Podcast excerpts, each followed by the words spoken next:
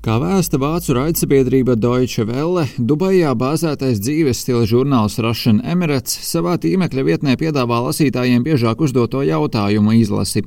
Vispopulārākais jautājums Krievu valodā iznākošajā žurnālā ir šis ar vairāk nekā 83 tūkstošiem skatījumu. Vai es varu iegūt apvienoto Arābu Emirātu pilsonību? Pēdējo nedēļu laikā šīs tīmekļa vietnes lasītāju skaits gandrīz dubultojies, un tendence visticamāk tikai turpināsies, tā uzskata eksperti, jo turīgie krievi meklē veidus, kā izvairīties no sankcijām un nodrošināt savu bagātību. Dubaja ilgu laiku ir bijusi populārs bezvīzu brīvdienu galamērķis Krieviem, piesaistot aptuveni 730 tūkstošus Krievijas turistu 2019. gadā, pirms pandēmija ierobežoja ceļošanu.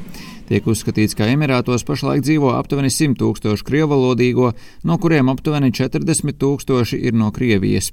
Arvien vairāk Krievijas iedzīvotājiem dodoties uz Dubaju, biļetes cena no Maskavas vienā virzienā pieaugusi pat 30 reizes, pārsniedzot 2000 ASV dolāru. Kā vēsta New York Times, kāds arābu uzņēmējs, kurš izīrē augstas klases mēbelētus dzīvokļus Dubajā, krievalodīgo pieprasījumu pēc dzīvokļiem raksturoja kā neticamu. Vašingtonā bāzētā bezpeļņas organizācija izpētījusi, ka Krievijas prezidentam Vladimiram Putinam pietuvinātajiem Dubajā piedara vismaz 76 īpašumi. Vismaz 38 uzņēmējiem vai amatpersonām, kas saistītas ar Krievijas prezidentu, Dubajā piedara desmitiem īpašumu, kuru kopējā vērtība pārsniedz 314 miljonus ASV dolāru. Vairākām no šīm personām ir piemērotas ASV vai Eiropas Savienības sankcijas. Tomēr Emirāti pret Krieviju nav noteikuši sankcijas, tādēļ izskanējusi informācija par Krievijas oligārhu privātajām lidmašīnām, kas lidojušas turp un atpakaļ no Maskavas uz Dubaju. Savukārt kāds Ukrainas laikraksts ziņoja par vietējās izlūkošanas aģentūras aizdomām, ka oligārhi drošības nolūkos uz Dubaju veduši privātos īpašumus, piemēram, gleznas. Arī vairākas Krievu oligārhu superjahtas Dubajā pietauvotas un ir drošībā. Bagātnieki Emirātu bankās vai savu banku Emirātu filiālēs atver arvien jaunus kontus un steidz ieguldīt naudu nekustamajā īpašumā. Sankciju apiešanas jautājumu raidījumā Kruspunktā komentēja Latvijas ārlietu ministrs Edgars Rinkēvičs. Es teiktu, ka notiek arī pastāvīgs darbs, lai mazinātu šo iespēju šīs sankcijas apiet. Par to es pats esmu runājis arī ar vairākiem kolēģiem no līča valstīm. Protams, ka tā pieeja tur ir savādāka. Izpratne par lietām varbūt nav gluži tāda kā Eiropā. Zināmas iespējas ietekmēt ir, bet viņas nav simtprocentīgas.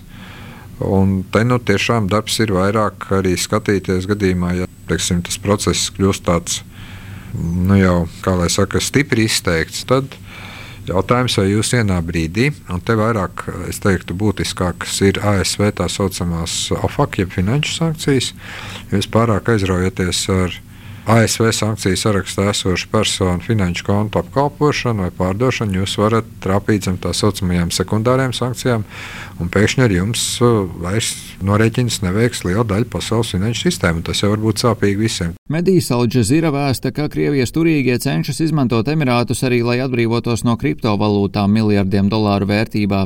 Par to ziņo uzņēmumu vadītāji un finanšu avoti. Daži klienti izmanto kriptovalūtu, lai investētu nekustamajā īpašumā Emirātos, savukārt citi vēlas izmantot tur esošos uzņēmumus, lai pārvērstu savu virtuālo naudu cietā valūtā un noglabātu to citur. Pat ne bagātniekiem, bet arī augstākās vidusšķiras krieviem, kuri vēlas izvairīties no tā, ka viņu uzņēmēja darbību piesavinās viņu pašu valdība vai ietekmē ekonomikas sabrukums Krievijā, varētu pietikt līdzekļi, lai šeit izveidotu drošu patvērumu. Ieguldot nekustamajā īpašumā aptuveni 185 tūkstošus eiro, pircējs saņem trīs gadu vīzu. Ieguldot aptuveni 1,18 miljonus eiro, tiek nopirkta piecu gadu vīza. Emirātos ir arī zelta vīzu programma.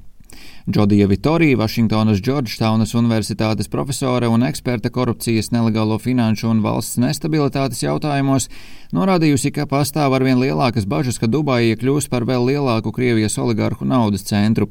Nelikumīgi iegūto Krievijas labumu plūsma faktiski ir plūdusi cauri Dubajai jau kopš 90. gadu beigām, bet to, kāds pieaugums gaidāms tagad, būs grūti pateikt, jo tas paliks nemanāms. Transparency International norāda uz iemeslu. Valsts iestādes faktiski neievāc attiecīgo informāciju, un korupcijas izmeklētājiem galvenokārt nācies paļauties uz nopludinātiem dokumentiem, lai noskaidrotu, kam kas šajā valstī pieder. Apvienotie Arābu Emirāti veikuši virkni uzlabojumu, tomēr caurumi joprojām ir daudz, piemēram, valstī ir 39 dažādi uzņēmumu reģistri. Protams, Emirāti nav vienīgā vieta, kur turīgas personas, kas bēg no sankcijām, var slēpt naudu. Tomēr vairākas valstis tagad atbalsta centienus ekonomiski atdalīt Krieviju. Un, kā min eksperti, ir arī citi iemesli, kāpēc Emirāti joprojām ir pievilcīgi. Piemēram, slepenība ap finanšu darījumiem, kā arī tas, ka Emirāti nav naski uz sadarbošanos ar citām valstīm šajos jautājumos. Rihards Plūme, Latvijas radio.